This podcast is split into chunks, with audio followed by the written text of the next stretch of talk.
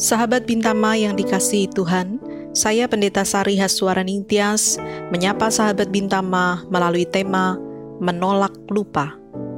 Firman Tuhan dari Mazmur 77 ayat 12 berkata, Aku hendak mengingat perbuatan-perbuatan Tuhan. Ya, aku hendak mengingat keajaiban-keajaibanmu dari zaman purbakala.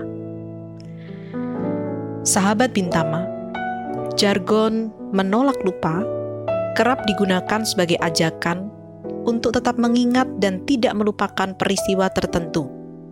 Misalnya, menolak lupa tragedi kerusuhan yang pernah terjadi di tahun 98. Dengan menolak lupa, kita diajak untuk menjadikannya sebagai pengalaman berharga, supaya setiap warga negara tidak mudah diprovokasi dengan isu-isu SARA yang kala itu ada di seputar peristiwa kerusuhan.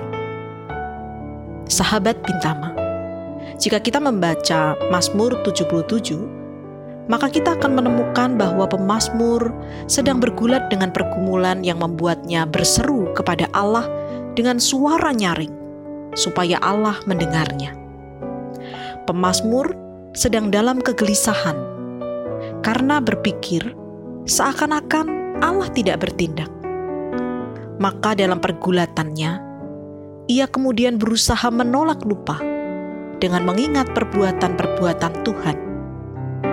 Bahwa sejak dari zaman purbakala, Tuhan selalu melakukan perbuatan-perbuatan dalam keajaiban. Setelah mengingat, ia pun menyebutkan begitu banyaknya perbuatan-perbuatan ajaib Tuhan yang sudah dilakukannya. Hal itu mengakhiri kegalauannya. Ia percaya dengan kebesaran Tuhan yang sudah dan akan terus dinyatakannya. Sahabat Bintama, ketika berhadapan dengan berbagai persoalan, pikiran dan hati kita terfokus pada persoalan itu. Tidak jarang energi kita pun terkuras pada persoalan yang tengah kita hadapi. Terlebih kita merasa Tuhan seakan tidak bertindak. Di situasi semacam ini, cobalah melakukan upaya merawat ingatan dan menolak lupa. Ingat-ingatlah setiap perbuatan-perbuatan Tuhan dalam hidup kita yang tidak terhitung. Sebutkanlah satu persatu, lalu alamilah ketakjuban yang membawa kita pada sikap iman bahwa Tuhan yang bertindak di masa lalu juga akan terus bertindak di masa kini dan masa mendatang dalam kedaulatannya. Selamat merawat ingatan dan menolak lupa atas seluruh perbuatan Tuhan dalam hidup kita yang sangat banyak, yang tidak terhitung.